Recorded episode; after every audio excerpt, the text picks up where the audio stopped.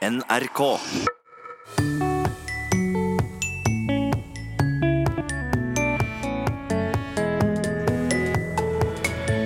Forfatter Levi Henriksen skrev bok sammen med dattera si Lea. Slikt byr på språklige utfordringer og avsløringer. Det var faktisk en gang jeg kom over en veldig bra setning i en av disse fantasy-bøkene som jeg stjal en og hel dags jeg skrev på ungdomsskolen. Du driver og stjeler, du også. Ja, Det sier du nå. Ja det, det har jeg faktisk ikke innrømmet før nå. Nei, det ser du. Og Språkteigens lille latinskole er på farten. I dag setter vi kursen mot Storbritannia. Det gjorde også Cæsar, for han invaderte øyriket og klarte ikke å erobre Britannia, faktisk. Vel møtt til Språkteigen. Skal eller kan? Det er første spørsmål i Språkteigen i dag. Bakgrunnen er teksten i en omdiskutert annonse som Gilde står bak. Den ble omdiskutert fordi den kom rett etter avsløringene om dyremishandling i norske grisefjøs. Vi skal ikke ta del i den diskusjonen, men annonsen er òg språklig interessant, skriver en lytter. Teksten var som følger. Står det Gilde på pakka, skal du være trygg på at kjøttet alltid er norsk, og at dyra har hatt det bra. Vår lytter spør, hadde det vært bedre å bytte ut skal med kan? Skal inneholder for meg en reservasjon, mens kan er mer forpliktende. Og jeg spør deg, Toril Oppsal. Og dette her er uhyre spennende. altså, står det Gilde på pakka? Og så må jeg innrømme at jeg så den annonsen. Jeg var egentlig lykkelig først for å se på kommabruken der, jeg som er så forbilledlig korrekt. Det er, det er en litt annen historie, men står det, står det Gilde på pakka, komma, skal du være trygg på at kjøttet alltid er norsk. Vi, vi kan ta den delen av setningen, for det, for det er der skal står. Ja.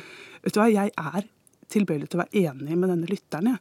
Det er en ørliten nyanseforskjell. Altså Det er mulig å tolke inn en nyanse her som kanskje ikke er intendert fra Gilde, eller fra hvem det nå er som har, har skapt denne annonsen.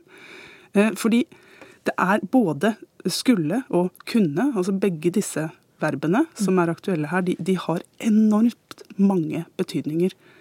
Eh, Og skulle, altså skal du være trygg, står det Gilde på pakka, skal du være trygg. Altså skal, det kan jo uttrykke ren framtid, altså det skal bli hyggelig å dra på ferie, men, men det har også en av mange andre betydninger. Det er å uttrykke en mulighet eller en, eh, ja, en form for formodning.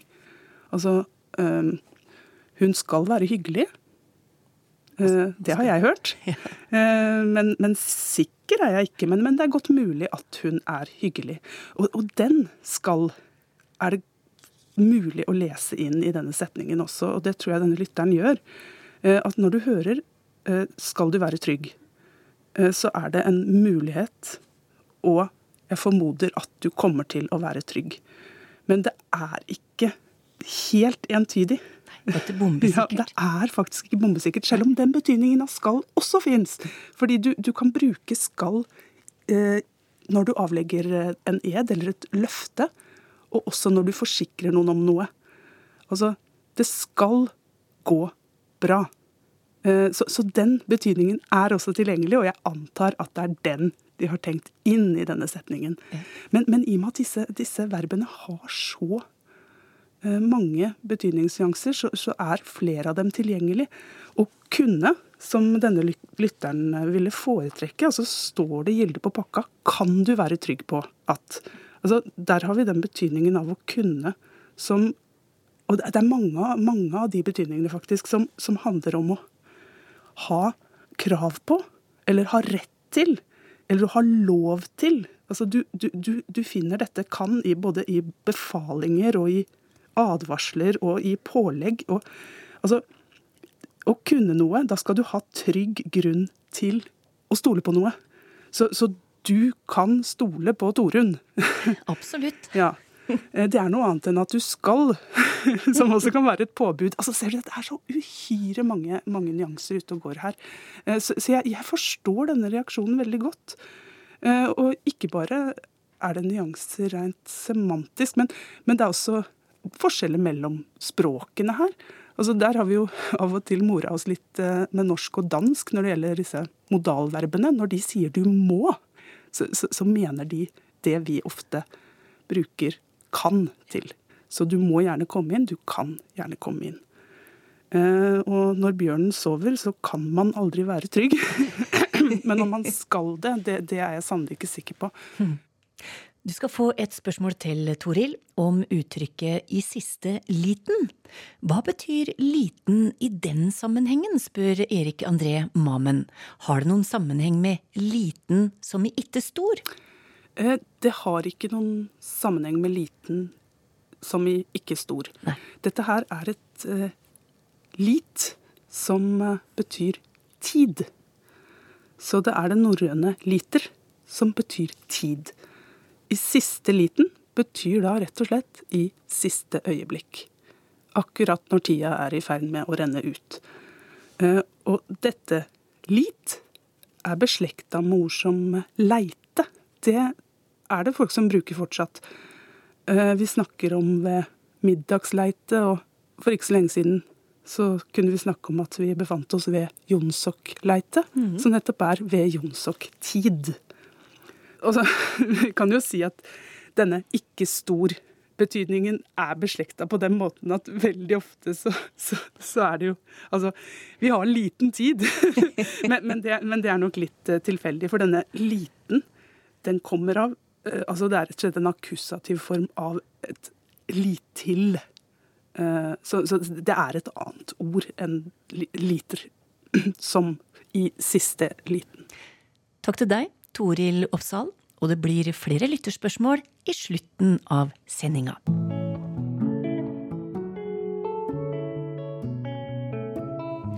Språket er det viktigste arbeidsverktøyet for en forfatter. Men hvordan tenker forfattere på språket når de skriver? Og hva blir utfordringen når det er to forfattere med en aldersforskjell på godt og vel 35 år? Forfatter Levi Henriksen og dattera hans, Lea, på 19 år, skrev ungdomsromanen Vinter på savannen sammen. Den kom ut tidligere i år. Språkteigens reporter Stein S. Eide møtte dem for å høre om dems språklige utfordringer. Alle mennesker snakker forskjellig. Jeg er jo vokst opp i et kristent miljø, så for meg så er det veldig Så bruker jeg jo ikke banneord eller eh, kjønnsord når jeg snakker eller skriver til vanlig, hvis jeg ikke utsettes for ekstrem smerte. Kan jo hende det eh, kommer et stygt ord. Men, men jeg tenker jo alltid at de jeg skriver om, ikke er meg, så, så man må jo prøve å, å finne et språk som passer til det type menneske og, uh, man skriver om, og ikke minst hva slags miljø han eller hun kommer fra. For hvis ikke så bommer du grassat, liksom. Men språket er, når alt kommer til alt, liksom kanskje noe av det mest personlige vi har. For det, det sier veldig mye om hvem vi er. Og hvis jeg skriver om en person som fremstår bra rent litterært, mens hvis du ikke tror på det han sier, så, så er det jo mislykkes. Jeg vil jo prøve å skrive skildringene godt nok og bruke metaforer og symboler. Og jeg går jo enda på videregående, så jeg har lært masse om dette her i norsken. Grammatikken var for meg veldig viktig, da. Jeg pleier alltid å rette på pappas grammatikk. Nei, For eksempel så er han veldig flink til å bruke da og når feil. Og, og da pleier jeg å rette på ham på det. Men han, det ser ikke ut som han har lært seg det enda, i hvert fall. sier Lea Henriksen på 19. Hvordan tenkte far og datter på språket da de skulle gjøre hovedpersonen på 13 år troverdig og naturlig i romanen 'Vinter på savannen'? Ja, der har jeg jo liksom støttet meg for så vidt mest på Lea, men man, man, man, snapper jo også opp en del ord som, eh, som foreldre, liksom som mine barn har brukt, liksom, og blant annet sånne ting som serr er jo veldig liksom, altså da, short for eh, seriøs og seff og sånne ting, liksom, og for alt jeg vet er kanskje det på vei ut allerede, men man, eh, man, man, man, man, prøver å liksom treffe en riktig tone eh, og, og måte å snakke på og tenke på, spesielt når man da skal eh, skildre en, en 13 år gammel hovedperson. Hovedkarakteren var liksom ikke sånn at Anne brukte ordet 'liksom', apropos hvordan tenåringer snakker. Eh, Men eh, hovedkarakteren er ikke typen til å bruke typiske slenguttrykk for tenåringer, da, føler eh, jeg. Så det var ganske naturlig at den har skrevet. Hun bruker litt voksne ord fa fagspråk, da. Men uh, som forfatter uh, er det en veldig kamp liksom, for å finne nye formuleringer og ikke tråkke i alle klisjeer, eller? Det har jeg vært opptatt av fra, fra, jeg debuterte. Og språk er noe jeg bruker veldig, veldig mye tid på. og prøver å finne nye måter å, å si ting på. Samtidig så har jeg gått litt sånn Rema-runde, og det er jo ikke spesielt intellektuelt Eh, kanskje å si, men, men, men, jeg føler at det nå er der at jeg liksom klarer å si ting litt enklere. Altså, jeg, jeg jo vokst opp med, med, en mor som søndagsskolelærer, og, og bibelspråk og alt det der fikk jo meg til å ha et ganske blomstrende språk, og det har jeg nok fortsatt. Men, men etter hvert så skjønner man at man kan si like mye med færre ord. Det er noe med det å få handlingen frem. Jeg, jeg som bare er 19 år og bare, ikke har skrevet før, da, jeg ville jo bruke godt språk sånn at folk skulle ta meg seriøst. Så jeg prøvde å få inn noen gode metaforer og bruke litt eh, akademiske ord, da, for eksempel, for å fremstå flinkere, sånn at folk skulle ta meg på alvor.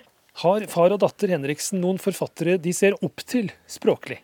Uh, Hemingway, Ernest Hemingway har jo alltid vært et forbilde, og det ser man vel kanskje ikke så mye på måten jeg skriver på, men uh, per i dag av samtidige forfattere, så er det faktisk en eh, Jeg leser svært lite krim, men eh, James Lee Burke blir jo regnet som en krimforfatter. Han er fra Louisiana. Han har et aldeles fantastisk språk som er eh, det, overstråler alt, egentlig. Så han skriver spennende og bra og alt det der også, men språket er så bra, så det er en fryd å lese, rett og slett.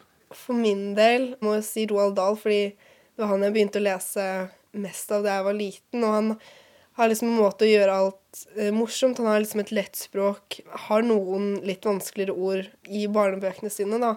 Og nå har ikke jeg lest Ivar Aasen, men han må jo så klart nevnes, selv om kanskje ikke mine venner liker han like mye som meg, fordi vi må skrive nynorsk på skolen. Men eh, som språklig forbilde må han nesten være et av de største bare pga. alt han har gjort, da. Som forfatter jakter Levi Henriksen hele tida på det gode språket og nye måter å skrive ting på. Som forfatter, det er jo en veldig ensom greie, for det sitter du jo aleine og driver med dag ut og dag inn. Og det kan jo kanskje gå et halvt år egentlig uten at noen eh, leser det du skriver på. Altså du har jo folk inne på forlaget du har eh, kontakt med, men, men, men eh, har du en viss flyt, så, så kan det kanskje gå i hvert fall flere måneder før, før, noen ser hva du holder på med. Du bare forteller at du skriver på en ny bok. Og da er jo nettopp, eh, i hvert fall for meg, da, gulrota er, er, de gangene når jeg får til noen setninger, når, når språket eh, sitter eh, sånn at du kan lese det flere ganger, og, og, og, og du gjør deg sjøl glad. Det er liksom den største belønningen før du sender det videre til noen andre. Og, og, og, hva som er en bra setning, det er veldig vanskelig å si. Men for meg så er det nesten litt sånn som når jeg hører skihoppere beskriver eh, det perfekte skihoppet. Altså du føler det fra, fra satsen, du, du, føler fra det øyeblikket du liksom stuper ut. Du, du klarer ikke å gjøre det gang på gang, men, men, men, de gangene du har den følelsen, så føler du at dette er bra. Og det er liksom noe av den aller største gleden med å skrive. Den følelsen av at du klarer å premiere deg sjøl og, og, og, være interessant for deg sjøl finne en sånn veldig god eh, metafor. Eh, når man er inne i en veldig god setning og finner en metafor som passer akkurat til det øyeblikket og til, til, den karakteren du skriver om, så er det så klart veldig gøy. En god setning gjør veldig mye for eh, historien eller eh, den saken du skriver. da. Ikke nødvendigvis at alle setninger er gode, men at det er sånn, en sånn veldig god setning inniblant uh, alt annet, gjør veldig mye. Også gleden er jo litt så at du stjeler litt av, av, av andre også, da. Leonard Cohen sa en gang at de middelmådige låner, og de geniale stjeler. Og ja, nå, nå, ble jeg faktisk sittende og tenke på en novelle jeg skrev som jeg tror het 'Tømmer', som var i første boka mi. Der stjal jeg en veldig veldig god setning av uh, Louis Masterson slash Kjell Halbing. Uh, det er fra 'Der ørene dør', som han sier. Og så begynte menn å dø. Den stjal jeg rått i, for å skildre hvordan det var på skolen etter at de la ned Saga, og, og, og, og mannfolket ikke hadde noe å leve for lenger. Så så, så, så, så, iblant så, låner man, eller jeg vil vel helst si at jeg stjeler eh, av, av, andre. liksom Sånne, sånne bitte små setninger. Og ofte bygger man det helt om, men man liksom, når man sitter fast, så kan man f.eks. Jeg leser Børli og, og, Rolf Jacobsen veldig ofte når jeg, når jeg, sitter fast, og så får jeg litt sånn inspirasjon derfra. For de var fantastiske med språk og hadde et ordforråd som nesten ingen folk har i dag. Eh, men veldig ofte er det liksom at man ser en bra setning av folk du ser, ser opp til. Eller, eller, musikere, for den saks skyld. Altså ikke bare forfattere, men også musikere. Og så, gjør man sin egen vri på det. Og, altså, også Bob Dylan har jo drevet sånn i alltid. Og vridd på andres ting, liksom. Det var faktisk en gang jeg kom over en veldig bra setning i en av disse fantasybøkene som jeg stjal en og hel dags jeg skrev på ungdomsskolen, som min far faktisk kommenterte at var veldig bra skrevet. Jeg, jeg bare nikka og smilte. Jeg, så du, er, du driver og stjeler, du også? Ja. Det sier du nå? Ja, det, det har jeg faktisk ikke innrømmet før nå. Nei, det ser du. Men eh, nei, de bøkene jeg leser nå, det er enten fantasy eller, uh, eller forfattere som har dødd. Hun leser med andre ord ikke sin far, da, siden hun bare leser fantasy og, og forfattere som har dødd. Nå er jeg inne i en eh, veldig dystopisk periode, så jeg leser eh, Orwell og og akkurat nå leser jeg 'Vidunderlig ny verden' av Aldous Huxley. Han er vel død, han òg, men Han er godt død, ja. ja. Sånne ting jeg leste når jeg var på, på hennes alder også, husker jeg. Jeg har inntrykk av at forfattere leser veldig mye og har lest veldig mye. Ja, det er jo en del av en sånn forfatter som ikke, ikke, leser, er som en fotballspiller som ikke trener. En, en, periode så klarer du sikkert bare å spille kamper, men, men, men det er jo at du trener altså, altså, du blir inspirert og, og, og, irritert av det. Men samtidig er det litt sånn pussig det du sier, for uh, etter at jeg ble publisert forfatter, så, så, har jo det ødelagt litt for lesinga mi. For uh, 75% av tida så ble jeg bare irritert av det jeg leser. Fordi jeg finner det ikke så veldig bra, da. Og så er det de 25% som er veldig bra. Da Da får jeg lyst til å skrive sjøl, liksom. Så jeg får aldri jeg, jeg, nesten lest ferdig bøker lenger, liksom. Men det, det, er få ting som slår det å lese en bok, og, og, og, ikke minst den der følelsen at du er borte, at du bare gleder deg til å komme hjem og kunne lese videre i boka di. Liksom. Jeg tror det er litt av grunnen til at jeg ikke ser så mye på språket i bøkene jeg leser. Prøver å se om det er godt språk eller ikke, for jeg føler at jeg kanskje kommer til å ødelegge boka og ødelegge handlingen for meg. Så jeg prøver å være litt forsiktig og bare prøve å kose meg med boka i stedet for å analysere alt, da. Ja, Der misunner jeg deg, for jeg hadde jo stor glede av å lese Alistair MacLean og Desmond Bagley og, og sånne folk før, liksom. Jeg syns jo det var kjempespennende. Men, og jeg prøver virkelig ikke å være snobbete, men, men siden man da jobber så mye med språk, så, så, så, så gjør det Det er en forferdelig umusikalskhet i, i mange forfatteres språk, og, og det, det, det er for meg like ille som at noen står og spiller falskt med vilje inn i øret mitt. Som, som, som, leser skulle jeg jo ønske at jeg ikke var slik, men sånn er det blitt. Og det, det er nok akkurat som da og når. Jeg tror, jeg, jeg tror ikke jeg klarer å forandre på det. Det sa far og datter, Levi og Lea Henriksen, i samtale med Stein S. Eide.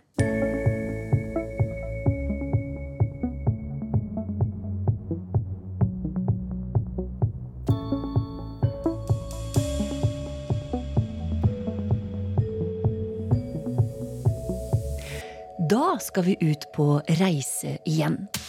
På farten med Språkteigens lille latinskole. I forrige uke brukte vi Julius Cæsars nedtegnelser fra Gallerkrigen som en slags reiseguide. Og vi skal følge han litt videre i dag, sammen med reiseleder og lærer Vibeke Roggen. Vi drar fra Gallia og over kanalen til de britiske øyer. Ja. ja. Det gjorde også Cæsar. For han invaderte øyriket og klarte ikke å erobre Britannia, faktisk. Det skjedde først 100 år senere, under keiser Claudius, som var keiser 41 til 54 etter Kristus. Mm. Og Britannia ble da en romersk provins i noen hundre år. Og Britannia, det har òg sin opprinnelse i et folkeslag, ikke sant? Eh, jo da, du har helt rett. Eh, Britannos er eh, britannisk eller britisk, og det kan også være en britaner eller brite, så flere Britanni er flere briter, ja. Men Cæsar skrev likevel en fyldig beretning fra øyriket som han sendte hjem igjen til Roma, og som da er en del av de nedtegnelsene vi nå navigerer etter. Ja, han begynner med å beskrive øyriket, da. Så han skriver at, eh, om Britannia at det er en eh, øy som av natur er trekantet, hvis ene side er mot eh, Gallia. Ja. Og så skriver han Hibernia, som er Irland, eh, halvparten så stor, som det vurderes, enn Britannia. Ja.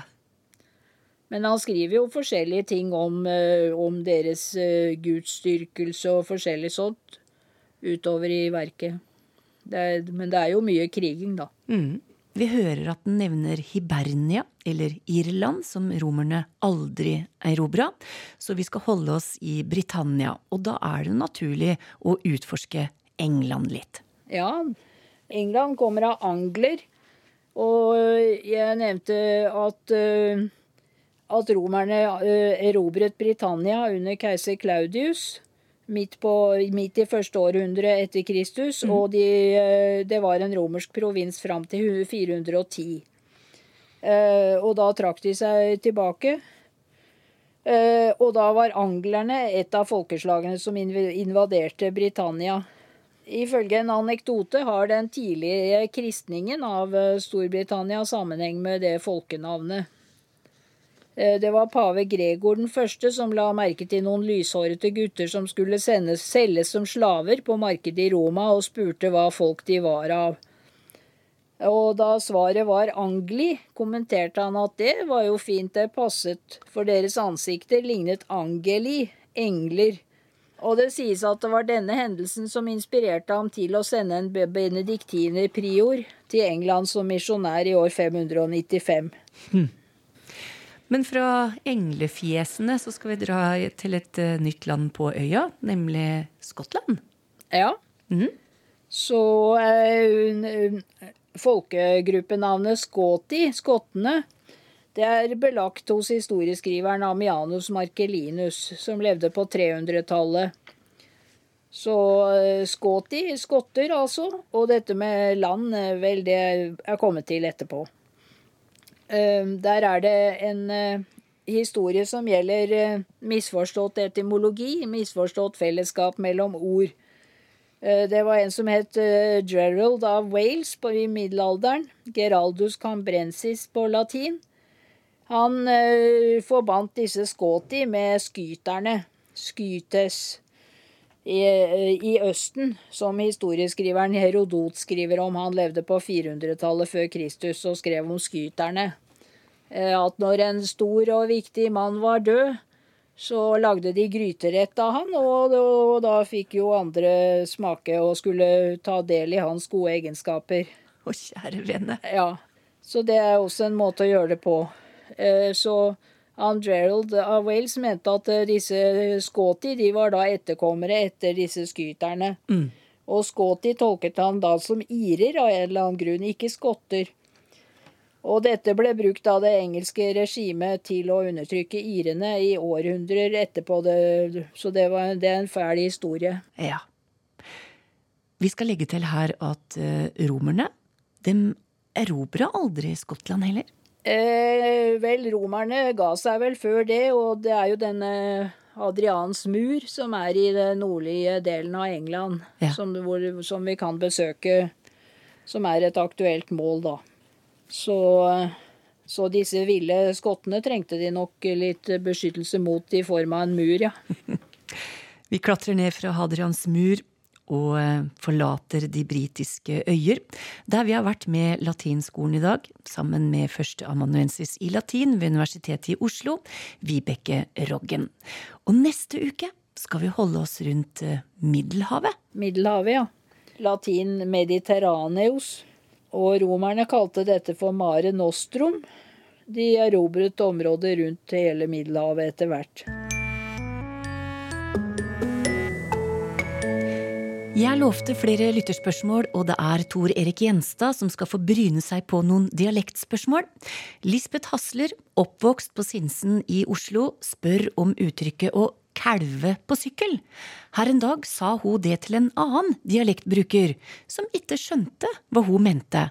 Er dette et lokalt uttrykk fra Oslo øst, spør hun, og er det kanskje så gammeldags at det ikke brukes lenger? Ja, akkurat det siste, det, det vet jeg jo ikke om det er godt ut, jeg tror nok kanskje ikke det, for folk driver stadig og, og velter på sykkel, vil jeg tro. Nei, det er kalve eller kalve om å velte eller rulle rundt, det, det er jo kjent flere plasser, det. er Østfold, f.eks., for eksempel, og Oslo er det jo registrert. Uh, og da er det vel en dialektform som er kommet inn i Oslo-slengen. Uh, kalve det er jo laga til kalv. Det er jo det.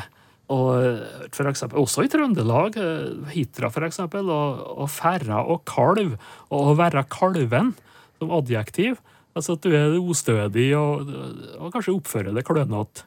Og Utgangspunktet her må jo være den nyfødte kalven som eh, skal reise opp og stå. Han detter jo og må prøve seg flere ganger. Ja, så det er nok det. Men eh, så kan det jo ha blanda seg sammen med å kvelve eller å hvelve, og kanskje tikke over litt av betydninga derifra. Det er fullt mulig. Henning Wien skriver Tidligere har det vært prata om prepropriell artikkel, altså en far, amor, en Ola og ho Anna. Og jeg lurer på hvor min lokale hunnkjønnsform A kjem av. Har O-en blitt til A, eller er det fra andre kasus? Lokalt sier vi hu, og det virker langt fra U til A. Og så ser jeg at i norrønt så heter det Hanna i akkusativ og Hennar i genitiv og Henni i dativ. Så. ja, eh, det er trykklett form av A. Eh, som da gjerne lever i lag med trykksterk form eh, hu eller ho, da. Nei, de mener jo at den kommer fra gamle akkusativen hana av pronomenet hun, som, som er det samme som oss har som ho eller hu i dag. Og den er nok ikke lokal, nei. Det er, det er A. Mye utbredt store deler av Østlandet vil nå ha det der at så altså Jesoga, eh, ikke sant, og, og Trøndelag og mange plasser. Så, så, vil ha det der. Men eh, akkusativ hana er nok opprinnelsen. Og det er ikke uvanlig det at slike pronomen deler seg i ei trykktung og ei trykklett form. Her en dag kom jeg til å si til barnebarnet mitt som fikk noe å drikke, bare køl det i deg. Det forsto han ikke, så jeg måtte forklare at det betyr å drikke opp alt fort. Jeg er ranværing, men brukes dette andre steder i landet, og hva kommer det av, spør Bjørn Bernersen. Ja, nei, altså det, akkurat det å køle i seg eh, det er ikke registrert, ikke i norsk ordbok, ikke Norske Akademis ordbok, som eh, det som jeg har sett på i farten. Men utgangspunktet er nok eh, kål eller køl. Altså verbet da, som du har for eksempel ja, køle på. Ja. Altså få opp farten, gi full gass. Og det igjen kommer nok av uh, at de, når de køler på, så kaster de på mer køl eller kål på dampkjelen. Uh, og, og, og, så derifra da sikkert til å køle i seg. En kunne jo tenke på at det, tenke på at det var med å kvelve, da, men det het kvøll. Eller noe slikt i, i, Nordland. Så der er det bevart ved. Så det er nok helst det der med, med køl eller kål, ja. Bjørn Bernersen han spør òg om et annet ord for å drikke, nemlig bemmel. Hva kommer det av? Nei, uh, ifølge ordbøkene så har det uvisst opphav. Uh, du har jo en variant av bælme. Ja. Det, begge er ganske vanlig, at du bælmer i det, eller du bæmler i det. Og det er noe mulig at Eh, det er påvirkning fra et annet et å demle, som også eh, kan bety å velte i seg. Drikke mye av et kar eller ei aus. Det var siste svar ut i dag, det. Takk til Tor Erik Gjenstad. Språkteigen er tilbake om ei uke. Ha det bra!